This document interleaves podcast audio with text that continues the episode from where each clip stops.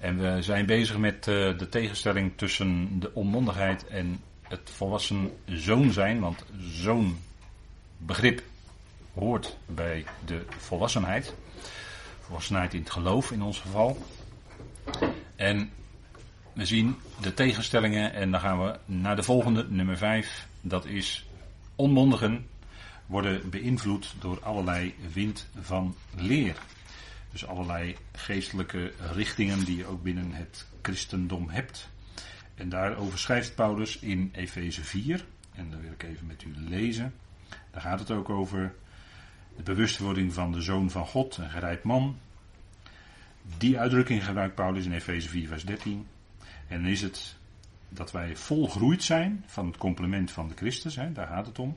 Opdat wij geen onmondigen meer zijn, zwalkend en meegedragen door iedere wind van leer, in de grilligheid van de mensen door list, om de stelselmatigheid van de dwaling te bewerken. En stelselmatigheid van de dwaling, dat gaat vooral via vastgelegde geloofsbelijdenissen en dat soort zaken. En dat is toch vaak eh, een, eh, dat wordt een traditie en dat wordt dan op de duur een traditie naast de schrift. ik hoef u eh, niet te noemen de drie formulieren van enigheid. Dat is bijvoorbeeld zo'n punt. Maar gelovigen die nog in onmondigheid, die groeien, moeten nog groeien. Kenmerk is dat ze beïnvloed worden door allerlei wind van leer. En wind is in de Bijbel een type van de geest. De Heer Jezus zei dat ook, de wind blaast waarheen hij wil. En dat gebruikt hij als illustratie uit de natuur voor het werk van de geest. Je ziet het niet, je hoort het niet, maar je ziet wel de uitwerking ervan. Dat is de wind, wat de wind doet in de natuur. En de geest doet dat in het geestelijke bereik. En de geest kun je ook niet horen, kun je ook niet zien, maar je ziet wel de uitwerking van de geest in levens van mensen. En dat is uh, weer zo'n prachtige de uitdrukking die ik dan steeds gebruik, typologie in de natuur. Dat is natuurlijk een geweldig eh, onderwerp op zich. Maar daar zie je dus dat de Heer dus dat gebruikt als illustratie wind van leer. Er zijn talloze geestelijke stromingen, dus talrijke, talrijke windrichtingen zou je kunnen zeggen. Waarbij mensen die in onmondigheid zijn, eh, de ene keer gaat het zus en de andere keer gaat het zo. En uh, dat merk je ook in het christendom. Dan is, dan is dit weer in de mode en dan is dat weer in de mode. En er komen dan golven. Ik had het voor de pauze over drie golven. Nou, dat was ook zo'n iets wat in de mode kwam. Hè? Belangstelling voor de gaven van de geest. Met alles wat daarmee. En dan, ja, dan komt de ene golf naar de andere. Die, die komt dan. Hè? En dan zijn mensen daar weer mee bezig. En dan moeten ze met z'n allen rennen. Zo zie ik dat dan voor me. En dan rennen ze met z'n allen weer daar achteraan. En dan rennen ze met z'n allen weer daar achteraan. Allemaal wind van leer. Allemaal afleiding van waar het werkelijk om gaat. Hè, het, het standvastige is en dat is ook een kenmerk van volwassenheid. Eh, standvastigheid in het geloof. En dat is natuurlijk ook de wapenrusting. De geestelijke wapenrusting, de wapenrusting van God. Is dat wij zouden staan, weerstaan, stand houden. Die woorden worden gebruikt. En dat is uh, niet aanvallend, maar dat is verdedigend. En blijven staan, daar is kracht voor nodig. En daarom zegt Paulus ook in Efeze 6: Wordt krachtig gemaakt in de Heer en in de sterkte van zijn macht. Want daar gaat het om. En dan kun je ook standvastig zijn. En dan laat je je niet meer meevoeren door allerlei geestelijke richtingen, want daar zitten geesten achter. Vrome geesten ook. Die bij gelegenheid ook Jezus heten. Ja? Dus, bedoel, die misleiding, die, dat kan heel subtiel zijn. Hè? Dat, kan, dat kan echt op de, ik zou bijna willen zeggen, op de millimeter aankomen. Want als je een heel klein beetje afwijkt op een gegeven moment, dan weet u het, hè? Jaren later ben je een heel stuk uit de koers geraakt.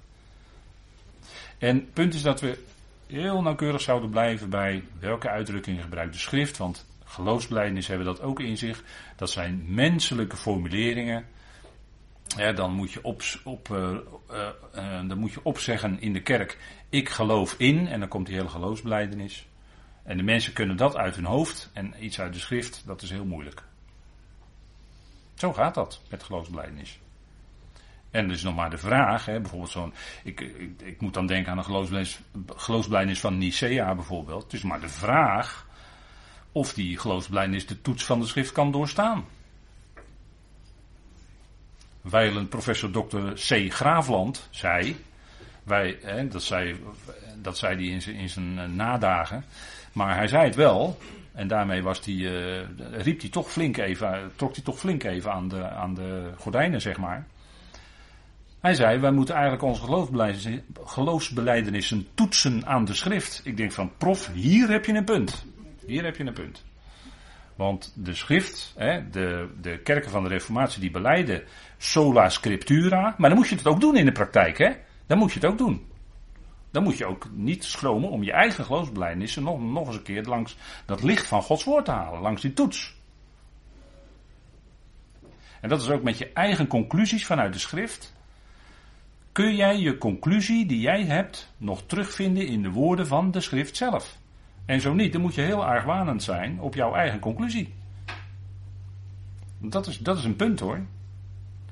Want uh, het punt is, kijk, gelovigen die trekken dan soms een conclusie uit, uit een aantal schriftgegevens en vervolgens gaan ze verder met die conclusie. Alsof dat in de schrift staat. Maar dan moet je heel erg opletten. Dan moet je heel erg opletten. En dat is wat we goed zouden doen. Hè? Dat is het Griekse woord zie broeders. Zie toe. Hè, in Efeze 5. Hoe je nauwgezet wandelt. Zie toe. Kijk uit. Het Griekse woord blepo, dat wil zeggen. Focus erop. Focus erop. Beïnvloed door allerlei wind van leer. En er zou natuurlijk heel veel leerlingen kunnen noemen, maar ik ga u daar niet mee vermoeien, want we willen toch graag houden bij de woorden van de schrift zelf. En onmondigheid kenmerk leeft nog van de melk, de beginselen van het woord van de waarheid. Hebreeën 5 zegt daar ook iets over jullie leven nog van de melk, terwijl jullie naar de tijd gerekend al leraars zouden moeten zijn. Maar jullie hebben nog melk nodig. Dat beeld gebruikt Paulus ook in de Korinthebrief. Jullie leven nog van melk, hè, de beginselen van Gods woord, de beginselen van het evangelie. Maar het is de bedoeling, als je 10, 20, 30 jaar verder bent, het is wel de bedoeling dat je dan een stukje gegroeid bent in je geloof. Dat is, dat is natuurlijk een normaal proces. Een, een baby kan toch niet altijd baby blijven? Dat kan toch niet? Dat is toch in dagelijks leven ook zo? Dat is toch onmogelijk? Je, je, groeit op van onmondigen naar, naar zoon. En daarom is het goed dat wij die brieven van Paulus met elkaar doornemen. Opdat wij ons steeds meer bewust worden van ons zoonschap. Want daar, daar gaat het ook om. Dat wij ons dat steeds meer bewust worden. Paulus spreekt daar ook over in het stukje wat we hier voor ons hebben. De bewustwording van de zoon van God. Dat hebben we hier vertaald met een hoofdletter. Maar dat geldt natuurlijk ook voor onszelf, dat wij zelf zonen zijn, dat wij zelf de geest van het zoonschap hebben ontvangen. Dat we zelf zonen zijn. En, en het kan wel eens zijn dat je in het licht van de schrift ineens schrikt van, joh, waar ben ik nou mee bezig? Dit, zijn dingen van de onmondigheid, dit, dit, dit past helemaal niet bij de status van zoon zijn. En dat je dan ineens gecorrigeerd wordt door de schrift. Dat de Heer je corrigeert door de omstandigheden waarin je bent, dat dat het iets is wat de Heer in je leven neerlegt. En dat is eh, omdat je zoon bent. Dat kan allemaal. Kijk, de hoogste status die God verleent aan ons mensen is die van het zoonschap. Wij zijn zelfs gezet met Christus boven geestelijke machten en krachten. Dat is wat hoor. Dat is wat. We hebben deel aan, in feite zijn we bestemd voor het samen met hem regeren, te midden van de hemelsen. Maar Paulus maakt in zijn brieven duidelijk dat niet iedereen met hem zal mee regeren. alle leden van het lichaam van Christus zijn erbij bij de bazuin, want dat is een genademoment. Maar daarna krijg je de Bema, dat is een inschalingsmoment zou je kunnen zeggen. En daar wordt bepaald wie met hem zullen regeren in de komende eonen en wie niet. Dat is gewoon wat Paulus, of gewoon, dat is helemaal niet gewoon, maar dat is wel wat Paulus zegt. Het is niet allemaal dat je op gelijk in de komende eonen dat je allemaal op gelijk niveau allemaal hetzelfde gaat doen in de komende eonen. Daar is ook verschil in. En misschien zou je mogen denken aan, dat moet u maar eens dan nalezen, als een illustratie daarvan, als een, als een aardse illustratie daarvan, de gelijkenis van de ponden bijvoorbeeld. Hè? In Lucas 19 is dat geloof ik. Lees die maar eens. En ik denk dat daar toch een, eh, iets in zit, als je dat geestelijk gaat bekijken voor, voor jezelf, iets in zit voor onze toekomst te midden van de hemelsen. en in daar, als dat als, als, als, kleine illustratie hoor. Maar daar zou je misschien aan mogen denken. Voor de toekomst. En zo zijn er natuurlijk wel meer.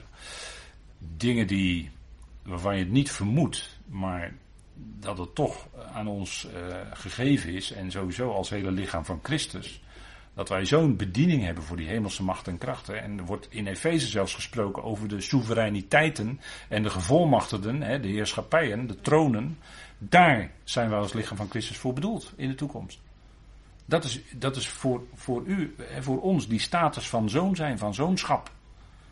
Ik denk toch goed om dat te realiseren. Hè?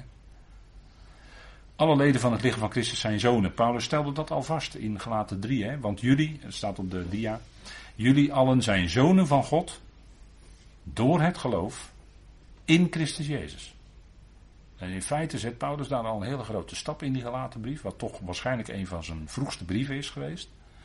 En, dan zegt hij dat, en in vervolg zegt hij dan ook dat er geen onderscheid meer is tussen Jood en Griek, slaaf en vrije, barbaar of skiet, of hè, wat je dan ook maar in vleeselijk, vleeselijke verschillen zou kunnen aangeven.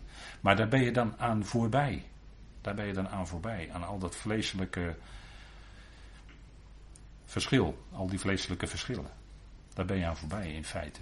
En Paulus vult dat in hoogste in zin in, in Efeze 2. Hè? De, de, situatie nu, geestelijk gezien, voor de gelovigen uit de natieën en de gelovigen uit Israël. Geestelijk gezien is daar geen enkel verschil meer tussen. En, en dat is wat, uh, wat vaak toch. Uh, je merkt het in de vertalingen ervan, van dat gedeelte. Je merkt dat men het niet heeft, ten volle heeft begrepen. Wel deels, maar niet ten volle. Niet in de diepste kern heeft begrepen, dat stukje. Maar dat is onze geestelijke status, hè? Zonen van God. Fantastische, heerlijke toekomst. En nu al, dat je dat nu al beseft, hè? dat het nu al effect sorteert in je dagelijks leven. Dan uh, ga je net als dat rijtje mensen hier, ga je juichen van binnen. Hè? In dat licht. Ja. Kijk, het, heeft ook te maken met gezindheid. Kijk, Paulus die schrijft in 1 Korinthe 2, jullie, Corinthiërs, hebben niet de geest uit de wereld ontvangen, maar de geest die uit God is, opdat jullie zouden weten, niet voelen, maar opdat jullie zouden weten wat jullie door God in genade geschonken is. Dat is wat hij zegt. Dus wij hebben niet die geest uit de wereld ontvangen, want dat zou betekenen dat wij eenzelfde gezindheid weer zouden gaan vertonen als de wereld. Bij ongelovigen is bepalend die geest van de wereld, natuurlijk. En je merkt het aan hun gezindheid, aan hun gerichtheid, aan hun grondhouding. Hoe zij gericht in het leven staan. En natuurlijk ook de daden die daaruit voortvloeien. Natuurlijk, dat heeft consequenties. Maar het begint allemaal bij die geest. We bekijken de dingen het liefst geestelijk. Het begint bij de geest en dat zou zijn uitwerking hebben in de ziel van de mens. Dat is altijd de volgorde bij Paulus. En bij ons is dan een andere gezindheid, want Paulus spreekt twee keer in Romeinen 8, als hij het heeft over die geest van het zoonschap, over gezindheid, zegt hij de gezindheid van de geest is leven en vrede. Gezindheid van geest, leven en vrede. En dat is dan in je hart. En daar ben je blij mee. De omstandigheden, vader, die zijn heel moeilijk. Maar dank u voor de vrede die ik eronder heb in mijn hart. Dat is praktijk. En als dat zo is, dan ben je een ander mens in de praktijk. Dan heb je het net zo moeilijk als ieder ander. Qua omstandigheden misschien. Maar van binnen ben je een ander mens. En dat is alles bepalend. Dat is een andere gezindheid, dat is een andere gerichtheid. Je verwacht het niet langer van wereldse oplossingen, maar je verwacht het van God. En daar vloeit dan uit voort ook een ander gedrag, andere daden. En dat is dan Romeinen 12 natuurlijk. In de praktijk, hoe dat werkt. Maar die, die gezindheid, hè, het gaat om die gezindheid van de geest. En de gezindheid van de geest en die van het vlees zet Paulus in Romeinen 8 tegenover elkaar. Dat zijn twee contrasterende, conflicterende dingen. Dat botst met elkaar, dat, dat vonkt en uh, dat kan niet met elkaar samengaan. En dat is natuurlijk ook in, in die lijn trekt hij natuurlijk ook in gelaten 5, daar lees je hetzelfde. Het conflict tussen vlees en geest. Maar waar laat je je door bepalen als gelovige, als zoon? Door de geest? De geest van het zoonschap, ja. En dan, ja, dan ga je net als die vogeltjes hier, hè, die plaatjes, ga je zingen. Ga je meezingen in dat koor met uh, harmonieuze klanken. Dan is er harmonie. Hè? Dan is er geen dissonantie, maar dan is er harmonie. Dan zing je die zang van, ja, hoe zou ik het noemen? Van de genade. Dan zing je de zang van de genade. Dan is de harmonie. Ik denk dat dat het is, hè. God die door zijn geest in ons werkt. En je leert ook dan de dingen die uit de wereld op ons afkomen. En wat komt er allemaal aan berichten uit de wereld op ons af? Dat is natuurlijk gigantisch. Maar hoe beoordeel je dat? Dat zouden we toch beoordelen vanuit de schrift, vanuit wat God zegt. Dat in deze tijd wat er ook gebeurt, is grote onrust en, en komt dichterbij lijkt het wel en noem maar op. Maar we zouden dat toch beoordelen vanuit Gods woord. Wat God zegt, God heeft de dingen toch in zijn hand. Het loopt hem niet uit de hand. God maakt toch geen fouten. En hoe het dan nu gaat in deze wereld, ja, dan moet het nu ook zo gaan. Dat is, dat is natuurlijk zo. En als, als mens verzet je daar, als mens, ziel, verzet je daar misschien een beetje tegen. Dat zou best kunnen. En toch werkt God zijn plan uit. En als wij daarover nadenken, dan zien we toch dat dingen gebeuren en dat dingen, dat dingen opgezet worden die toeleiden naar wat we in openbaring met elkaar hebben bestudeerd. Dat, dat moet dan toch komen. Dat iedereen straks dat merkteken van het beest moet, moet krijgen. En, en als je dat niet hebt, dan kan je niet kopen of verkopen. Nou, en als we dat nou nu zien gebeuren, wat, ga je dan op alarm? Ga je dan paniek maken? Nee, maar dan zie je toch dat God zijn, bezig is zijn plan uit te werken. Dat hij daar naartoe werkt. Het moet een keer gaan gebeuren natuurlijk. Openbaring. Dat, dat, moet, dat moet gaan plaatsvinden. dat, daar kun je niet. Daar kun je natuurlijk niet omheen. En als je in, in deze tijd dat ziet, dan, dan kijk je daar toch als, als, als je daar nou geestelijk naar kijkt, dan zie je, hé, hey, wacht even, dat is wat openbaring zegt. En dat zien wij komen in onze dagen. Stapje voor stapje, maar het komt wel. En het, het is ook niet meer, hè, het is, het is, het is uh, ja, uh, het, het, heeft echt een, een verstrekkende, verstrekkend iets is het in onze dagen. het, is niet, ge, ge, het is niet gelieerd aan één continent of aan één, of aan één werelddeel. Nee, het is nu wereldwijd zaken worden opgezet. En dat gaat komen. En dan wordt, komt straks die tijd dat iedereen dat, dat, dat beest en dat beeld van het beest moet gaan aanbidden. Dat komt. Natuurlijk, die tijd gaat komen. Dat staat er toch? Dat is toch profetie? En dan kunnen we daar toch niet omheen. Dan, dan gaat het toch gebeuren. En dan heb je rust in de goede zin. Terwijl we wel opletten. En waar je kan, zou je men, iemand helpen. En noem maar al die dingen. Dat gaat allemaal gewoon door. Maar je hebt toch van binnen die rust. Vader, het gaat naar uw plan. En u zal op tijd die bazuin steken. Dat is een ding wat zeker is. En daar leven wij naartoe. En dan kun je alleen maar verheugd omhoog kijken. Door Christus Jezus, zegt Paulus. Hè? We hebben dat zoonschap ontvangen en het is door Christus Jezus. Hij is degene die werkt. Hij voert het plan van God uit. Door hem, hè, door wil zeggen doorheen of door middel van. Door hem voert God zijn plan uit van Ionen. Hij is het ultieme instrument en hij is de uitverkorene. En wij zijn in hem ook uitgekozen. Hij is het kanaal, zeggen we dan ook wel eens, hè, waardoor God zijn zegen geeft, waardoor God werkt. En hij is de eerstgeborene onder veel broeders en zusters. Hij is de eerstgeborene. En daarvoor zijn wij geroepen. Opdat hij centraal zou staan als de eerstgeborene. En dat is wat God doet dan in ons leven. Dat is ook hè, ontwikkeling van het zoonschap, zou je kunnen zeggen. Wat God doet in ons leven, dat Hij ons omvormt naar het beeld van zijn zoon. Wij waren beelddragers van Adam. En wij worden omgevormd naar het beeld van zijn zoon. De laatste Adam. Nou, dat is natuurlijk prachtig. dat is het werk wat God doet. Dat is hoe Hij in ons leven kneedt, bezig is als, ja, daar komt hij, de pottenbakker. Hij kneedt ons, hij vormt ons in ons leven, zodat wij omgevormd worden naar het beeld van de zoon. En die scherpe kantjes, dat weet u hè.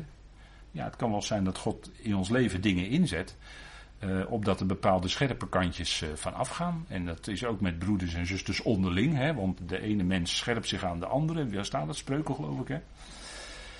En dat gebeurt allemaal natuurlijk. Dat gebeurt allemaal. En daarom kunnen we elkaar ook aanzien, hè, zoals God aanziet, want dat, dat is ook wat we leren in de loop van de tijd, dat we elkaar aanzien in Christus. En eh, we, we zijn als mens geneigd en gewend om elkaar aan te zien als, uh, als medemens met alle, alle uh, gebreken, met alle gebreken van dien. En dan kun je natuurlijk gaan letten op al die gebreken die je dan steeds weer bij de ander ziet. Daar kun je op gaan letten natuurlijk. Je kunt die ander ook, je kunt ook anders overwegen. Je kunt ook overwegen om die ander aan te zien in Christus. En in Christus is die ander net zo onberispelijk en smetteloos als dat jij bent. Dus als je, dan kijk je op een andere manier naar elkaar. En natuurlijk met alles wat Gods woord zegt. Maar het punt is dat wij gaan er niet over wie broeders en zusters zijn. Nee, daar gaat God over, daar gaat de Heer over. Hè. Die roept uit. En die zet allerlei mensen, geroepen mensen, bij elkaar als gelovigen. Ja, dat kan wel eens hier en daar wat. Uh, maar als we gericht zijn op die eerstgeborene, dat hij eerstgeboren is, en ons bewust zijn dat God bezig is ons te vormen naar het beeld van de zoon, ja, dan, dat, dat komt dan tot uiting in ons gedrag natuurlijk. Het beeld van de zoon is dat we iets van zijn liefde en van zijn genade en van zijn ontferming, van zijn bewogenheid, van zijn barmhartigheid, dat daar iets van door gaat komen in ons leven naar die ander toe. Dat, dat is het omvormen, hè? dat is het, uh, ja, wat God doet. De grote pottenbakker werkt in ons leven. En hij vormt ons tot dat instrument wat hem voor ogen stond. Ieder heeft zo zijn eigen plek in het lichaam van Christus. En dat zei Paulus al in 1 Korinthe 12. Hij zet al die gelovigen op zijn plek. Dat is hij die het bepaalt. Wij niet. En hij zet ieder in een plaatselijke, wij zeggen dan een plaatselijke ecclesia, maar dat zijn plaatselijke uitgeroepenen. Nou, die komen bij gelegenheid op verschillende plaatsen bij elkaar. Zo was het in Rome ook en zo was het in andere plaatsen ook. En de Heer, die uh, organiseert dat, hè. De Heer organiseert dat. Als je nou toch over een organisatie wil spreken. Nou, hij brengt een levend organisme tot stand en hij organiseert het. Dat is, dat, dat, eh, dat is het beste om dat dan maar te volgen. En je bent, en dat doet, het is door Christus Jezus, zoals alles God doet door zijn zoon. En dat doet hij voor zichzelf. Twee woordjes waar je altijd overheen leest als je Efeze 1 leest, maar hij doet het voor zichzelf. Dus wij zijn als zonen, wij zijn daar voor God. Hij heeft ons geroepen voor zichzelf. Waarom? Omdat hij ons lief heeft. Dat is natuurlijk bij Israël was dat de basis voor de roeping. Hebben we gelezen in Deuteronomium 7. Waarom heeft hij dat volkje nou geroepen? Klein, onbetekenend, niks ten opzichte van andere volkeren. Maar God riep het uit. Waarom? Om zijn liefde. Niet omdat het nou zo'n geweldig stoer sterk volk was. En zo is het ook met u en mij. Juist wat, wat in de wereld niet in tel is. Wat niet edel is, wat niet rijk is, wat niet voornaam is. Die roept God allemaal uit. Het zwakke, wat niet in tel is, het verachten, die roept God uit. Nou, dat is toch, dat is toch fantastisch? En zegt u, ja, als, je als Paulus er zo over spreekt, dan hoor ik er ook wel bij, denk ik. Denkt u misschien. Nou, dat is ook zo. Het gaat er helemaal niet om wat voor status of wat voor positie of wat je dan ook in de wereld hebt. Of wat je, hoe je ontwikkeld hebt tot ik weet niet wat. Dat, dat is helemaal, helemaal niet van belang voor God. God roept uit. Hij heeft je tevoren gekozen en hij bestemt je tevoren tot die plaats van zoon. Je bent kostbaar voor God, je bent zijn zoon. Hij heeft je lief. En er is geen nauwe relatie denkbaar als tussen de vader met een hoofdletter en de zoon met een hoofdletter. Dat is zo'n nauwe relatie. En zo is het ook met ons. Hè. Vergelijkbaar is het ook met ons. Je bent als zoon bedoeld voor hemzelf. Dan kun je jouw eigen naam invullen. Jij bent als zoon bedoeld voor hemzelf. De God en Vader van onze Heer Jezus Christus. Je bent uit hem. Hè, de roeping kwam uit hem. En het is ook de bedoeling dat je dan. Uiteindelijk kom je uit hem voort. En het is ook de bedoeling dat je tot hem zal terugkeren. En dat zit ook heel mooi in de getalswaarde van het woord Abba in het Hebreeuws. Heb het hier voor u opgezet, 1, 2, 2, 1. Dan zie je dat het begint bij die ene, bij de alef. Het begint bij de alef, bij die ene, de eerste letter van het Hebreeuws. Dat is de letter van God, hè, de één. Hij die één is.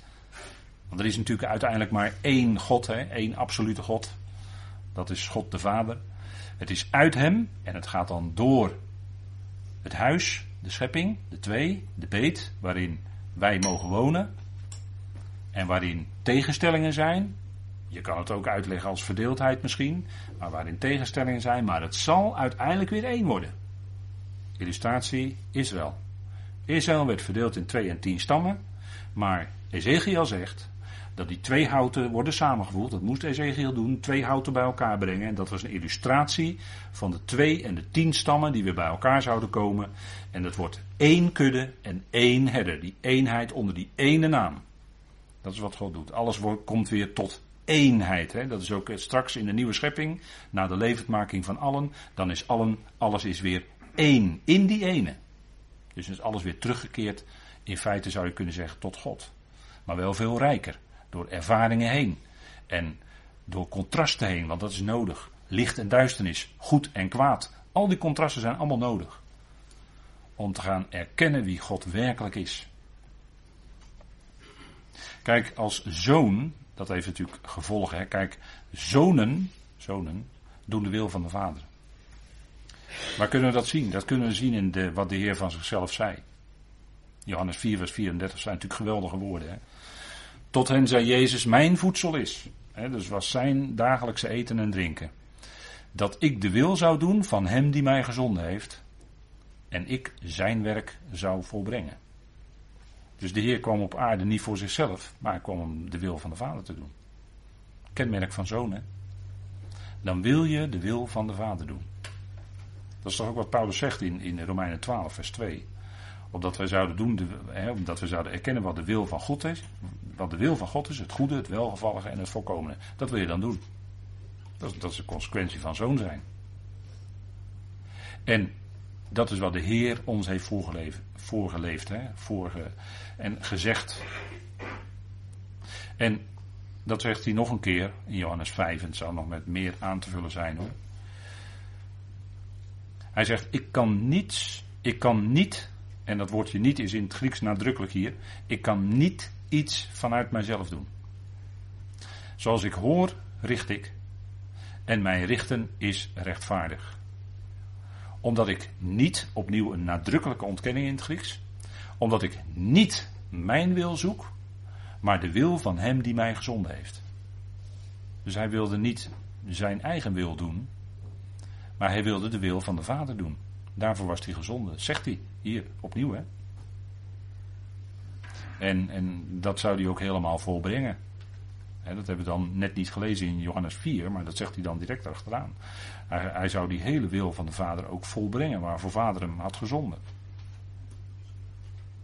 Dus hij kwam om die wil van God te doen. En dat is. En dat ging dwars door alles heen, hè? Dat ging dwars door alles heen. Hij werd verguisd, hij werd vervolgd, hij werd uiteindelijk veroordeeld tot de dood van het kruis.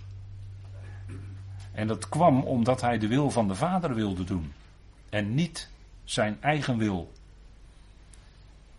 En, en we hadden het net over onmondigheid, hè? kleine kinderen. Ik ga zelf doen, zeggen ze dan. Ik wil dit. Vader, vader en moeder willen dat. Dat je dat doet. Nee, ik wil dat en dat doen. Dat is, dat is kinderen, hè? Zoals kinderen. Moet je opvoeden. En zo voedt vader ons ook op. En, en de Heer is daarin het grote voorbeeld. Die zonder zonde was. En die vlekkeloos heeft gedaan wat de vader wilde. dat is, ik vind dit altijd indrukwekkende woorden hoor. Omdat ik niet mijn wil zoek. Maar de wil van hem die mij gezonden heeft dat is hoe de Heer Jezus ons heeft voorgeleefd. Die houding, die gezindheid, want daar gaat het dan om, die gezindheid, die ootmoedige gezindheid, die spreekt hieruit. Hè, wat Paulus het over heeft in Filippenzen 2. Ootmoedige gezindheid. Niet je eigen wil willen doen, maar de wil van de Vader. En dat geldt voor zonen, wij zijn zonen. Dus het is de consequentie. En ja, dat, dat, dat herhaalde de Heer nog een keer. Hè? in Johannes 6. Want ik ben afgedaald van de hemel, of ik ben afgedaald van de hemel af. Niet opnieuw die nadrukkelijke ontkenning in het Grieks hier. Niet opdat ik mijn wil zou doen, maar de wil van hem die mij gezonden heeft. Dus het ging in het leven van de Heer ging het helemaal om die wil van de Vader te willen doen. Daar was alles op gericht. Er was zijn hele leven stond in dat teken. Als zoon want hij noemt hier degene die mij gezonden heeft, maar dat is zijn vader. Daar sprak hij mee. Voortdurend. De hele dag door. En hij ging s'nachts in eenzaamheid op de berg om te bidden. En dan koos hij de discipelen uit. Omdat hij de wil van de Vader wilde doen. De hele, hele nacht in gesprek met Vader. En pas daarna koos hij zijn discipelen uit. Ook Judas. En hij wist dat Judas hem zou verraden. Of overleveren moet ik zeggen. Sorry, overleveren. Het woord is in het Grieks is overgeven of overleveren. En dat wist hij van meet af aan. En toch koos hij Judas. En dat had natuurlijk ook betekenis. Omdat in Judas ook de, het gedrag zichtbaar was van de leiders van het volk. Hè? In Judas was het gedrag van Juda ook zichtbaar. Hij werd verworpen door zijn eigen volksgenoten. Ze begrepen hem niet. Ze wilden niet dat deze over ons koning zou zijn. Kruisigt hem, riepen ze. Hè, opgehitst door. Dat was het. En dat was ten diepste toch, hè, hebben we gelezen in het eerste gedeelte, dat was ten diepste toch naar wat de hand van vader en zijn raadsbesluit tevoren bestemd had. Dat zou gebeuren. Dat was ook dus de wil van God, hè, dat het zou gebeuren. Dat, dat is onontkoombaar, die conclusie. Dat was uh, hoe ver het ging, hè. En hij bad het ook, in, en dat is uh, wat in Hebreeën 10 wordt aangehaald, hè. Als het gaat over die, die gang, die hele moeilijke gang. Dat hij kwam om de wil van God te doen. Hè? Dat zei hij bij het komen in de wereld. Ik ben gekomen om uw wil te doen, o God. Hè, wordt in Hebreeën 10 twee keer gezegd. Dat is, dat is het punt hè, waar het om gaat. Vader, niet mijn wil, maar uw wil geschieden. Ja, dat ging heel ver. En punt is, kijk, God behandelt ons, ons als zonen en als zodanig heeft hij ons lief. Maar als zodanig voedt hij ons ook op. u weet het wel, wat het woord opvoeding is vanuit het Grieks. Dat heeft met slag of met slaan te maken. dat uh, kennen wij nog in ons woord pedagogie of pedagogiek of pedagoog. Daar zit dat woord slaan vanuit het Grieks zit daarin. En God voedt zijn zonen op.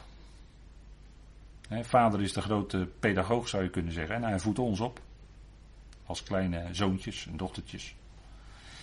En dat gaat door moeilijke weg heen. Zullen we met elkaar opzoeken in, in Hebreeën 12. Hè, want dat uh, zouden we ook nadrukkelijk meenemen vandaag. Als we spreken met elkaar over het zoonschap. En wat daarvan de consequenties zijn. Nou, de consequentie is dat vader ons dan ook opvoedt, hè, behandelt als zonen. En dan komt natuurlijk allereerst in Hebreeën 12 het grote voorbeeld van onze Heer. Hè. Laten wij met volharding de wedloop lopen die voor ons ligt. Hè. Dat is die wedloop van het geloof. En de Hebreeën waren uh, ongeloof. Hè. En dan uh, schrijft de Hebreeër schrijver, wie dat dan ook maar mogen zijn. In vers 5, ik val er even bij, in vers 4 wordt gesproken over de zonde. Jullie hebben nog niet tot bloedens toe weerstand geboden. Strijden tegen de zonde, en de zonde is hier ongeloof. En jullie hebben de vermaning vergeten, waardoor, waarmee jullie als zonen worden aangesproken. Mijn zoon, acht de opvoeding staat er dan eigenlijk. De bestraffing, maar eigenlijk het woord is opvoeding. Van de Heer niet gering. En bezwijk niet als je door hem terechtgewezen wordt. Dus, dus als wij in moeilijke omstandigheden komen, of als God iets inzet in ons leven, dan is dat zijn opvoeding. En dat zijn geen gemakkelijke dingen. Maar niet voor niets, denk ik, is het grondbegrip is slaan. dus dat je tegenslag in je leven krijgt. dat God je op een of andere manier daarmee opvoedt. En we lezen natuurlijk in Titus 2, schrijft Paulus ook over de genade die opvoedt. Dus die opvoeding is ook een stuk genade in ons leven dan. Zonen. Zonen. Mijn zoon. De Heer, vers 6. Want de Heer bestraft, en dan staat er eigenlijk weer voet op, wie hij lief heeft. En dat zou je niet verwachten. Maar de Heer voedt op wie hij lief heeft. En hij geestelt, en dan denken we van nou, nou, nou, geestelen. Maar als je terug gaat naar het grondwoord, dan staat daar meer prikken. Meer prikken. Een geestel in die tijd bestond natuurlijk uit een werktuig waar dan allemaal prikkels zaten. Om, laat ik maar even wat voorzichtig nog een beetje bedekt zeggen. Prikkels zaten eraan. Werd je mee geslagen op je rug. dat was geesteling in die tijd. Maar letterlijk is het woord meer prikken. Dus de Heer die prikt ons op een of andere manier met omstandigheden of met moeilijkheden, met tegenslag in ons leven, welke manier dan ook. En dat is zijn opvoeding. En zo als zonen, als zonen, zouden we ook zo denken, hè? zo leren om te denken. Het gaat hier niet om dat God, uh, hè, als Hij dingen inzet in ons leven, gaat het er niet zozeer om, dat is ook hier de tekst niet, gaat het er niet zozeer om dat wij gezondigd hebben en dat wij straf op de zonde krijgen. Zo moet u niet denken hoor. Want u bent gerechtvaardigd om niet. Dat is het punt niet. Maar God voedt ons op. Dat is het punt waar het hier om gaat. Hè? Omdat wij zonen zijn. Dat is onze status. En daarom zet God in ons leven opvoeding in. En het punt is dat hij geestelt iedere zoon die hij aanneemt. Dus als jij dingen in je leven te verduren krijgt, dan moet je niet gek opkijken. En dan is het voor ons een, een, een, een, ja, ook weer een stukje verandering van denken, laat ik het zo maar zeggen. Dat wij dat zien als vanuit God, dat God ons opvoedt. Dat het, niet, dat het dus geen straf is op de zonde. Nee, God is bezig je als zoon te behandelen en hij voedt je op. Dat is het punt hier wat de Hebreeën schrijver maakt. Hè? En als opvoeding, hè, als jullie opvoeding verdragen, behandelt God jullie, staat hier in meervoud, als zonen.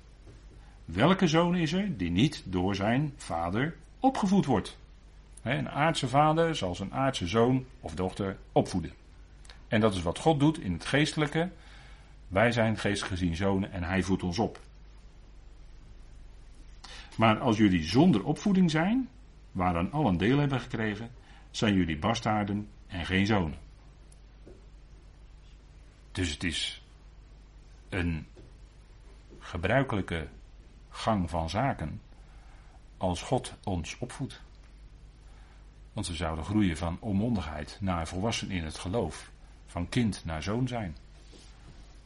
Dat is wat God doet. En voor ieder, God zet natuurlijk in ieders leven zijn het weer andere dingen en dingetjes, laat ik het zo maar even zeggen. Want dan zeggen, ja, wat is dat dan? Ja, dat kan ik natuurlijk voor u niet invullen, want het is voor iedereen is dat weer anders. voor de een is het misschien een, uh, nou ja, misschien een heel moeilijk kind. Een kind wat heel moeilijk doet of is. Dat kan, via die weg. Maar het kan ook heel anders zijn. Ik, ik noem maar één voorbeeldje. Dat kan allerlei, allerlei mogelijke manieren zijn natuurlijk.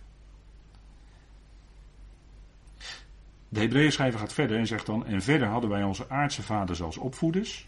En wij hadden ontzag voor hen, of wij respecteerden hen. Zullen wij ons dan niet veel meer. Zullen wij dan niet veel meer, en dan staat er dat woord onderschikken, onderschikt worden aan de Vader van de geesten en leven? En dat geldt natuurlijk voor alle zonen. Natuurlijk, Hebreeënbrief hier, natuurlijk. Maar dat geldt natuurlijk, dat is een principe voor alle zonen. En, en dat is wat, wat God doet, hè. En, en de, hij, de Hebreeën schrijver citeert hier ook de schrift uit, bijvoorbeeld uit eh, Job 5 en uit uh, Spreuken 3. Daar worden die dingen ook gezegd. Dus het is niks nieuws onder de zon wat dat betreft. Als Hebreeën er zo over spreekt. Want zij, vers 10, zij voeden ons wel voor een korte tijd naar hun goeddunken op. Maar hij doet het tot onze, tot ons nut, staat er in mijn vertaling, tot onze bevordering. Dus er staat meer dan nut, het is tot onze bevordering. Opdat wij deelnemen of deel krijgen aan zijn heiligheid. Dus het heeft een, uh, in, in praktische zin, in praktische, we zijn heiligen, maar het heeft in praktische zin een heiligende en reinigende werking in ons leven. En dat is ook wat God doet. En, en, en, natuurlijk, kijk, Efeze 5, daar, daar, daar is de Heer die ons heiligt en reinigt als, als lichaam van Christus. Die zijn gemeente heiligt en reinigt door zijn uitspraken, door zijn woorden. Dat heeft een reinigende werking in ons leven. En een heiligende werking in ons leven. Dus dat is wat het woord doet, hè. Zo werkt God. En dan sluiten we af met vers 11. En elke opvoeding schijnt op het moment wel geen reden tot vreugde. Want je zegt, juist, maar tot droefheid. Maar later geeft zij hun die erdoor geoefend zijn, een vreedzame vrucht van rechtvaardigheid. Dus dat is een punt, hè. De Heer is bezig in je leven en stapje voor stapje voedt Hij je op en raak je daarin ook geoefend. En besef je, ja Heer, u zet het in mijn leven in. En dan ga je erkennen, ja Heer, dat is goed dat u dat in mijn leven inzet. En achteraf als je terugkijkt, dan ben je de Heer enorm dankbaar dat hij dingen in jouw leven heeft ingezet. Want dan ga je zien dat hij je bewaard heeft voor. Dat hij je bewaard heeft voor. Dat is, dat is ook een, deel van je opvoeding. Hè? Als, als ouders hun kinderen opvoeden, dan doen ze dat om die kinderen te bewaren voor. En ze een stukje wijsheid mee te geven voor het toekomstige leven. Als ze op hun eigen benen moeten staan. En dat ze dan die dingen die niet goed zijn, dat ze die dan leren vermijden. En dat kan je niet al jong genoeg al aanbrengen. Hè? Dat staat volgens mij ook ergens in spreuken. Hè? Oefen de jongeling naar de, naar de eis van zijn weg of zo, hè? staat er geloof ik in spreuken ergens. En dat is goed, goed om daar vroeg mee te beginnen. Doe de Heer dan ook in ons leven. Als we pas tot geloof gekomen zijn, dat is het moment dat hij ook stukjes opvoedende genade gaat inzetten in ons leven. Zodat we groeien en ons steeds meer richten op Hem en dat zoonschap uitoefenen. God voedt zijn zonen op. Hebreeën 12, belangrijk gedeelte hoor, in, in, dat kader. Goed om je dat bewust te zijn, hè, hoe, hoe die dingen in het geestelijke bereik werken in ons leven. En het is allemaal uit de Vader. Hè.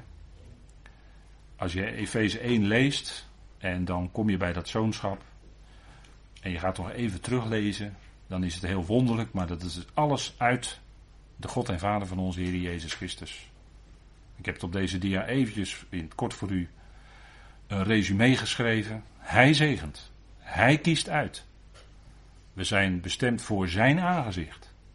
Hij bestemt tevoren in liefde. Voor zichzelf. Het gaat om zijn wil. En om zijn genade. Het is alles uit hem. Er is niets van onszelf bij. Het is allemaal zijn werk en zijn goed doen in ons leven dat is het. En dan komen we toch uit aan het eind van deze studie bij de God en Vader van onze Heer Jezus Christus. En ja, dat, beter kun je niet uitkomen, denk ik. Dat is het beste. Hij heeft altijd het beste met ons voor. Is dat niet geweldig? En eh, als je dat beseft, ja, dan ga je zingen. Dan ga je zingen van zijn genade, van zijn heerlijkheid, van zijn liefde. Dan zingt je hart. Ondanks dat je moeilijkheden groot kunnen zijn. En dat is dat, dat fijne, dan moet ik denken aan dat fijne lied van Paul Gerard. Hè? Laat hem besturen waken, het is wijsheid wat hij doet. Wat hij doet. Zodat je na verloop van jaren misschien wel je gaat verwonderen over wat hij heeft gedaan. Denk er maar eens terug, hè? dat een prachtig lied van Paul Gerard. Laat hem besturen waken. Zal hij die de wolken en de winden stuurt, de gebeurtenissen in de wereld stuurt, niet bij te zijn om in ons leven die dingen die er zijn in het goede vaarwater te sturen. En dat doet hij, want God maakt geen fouten.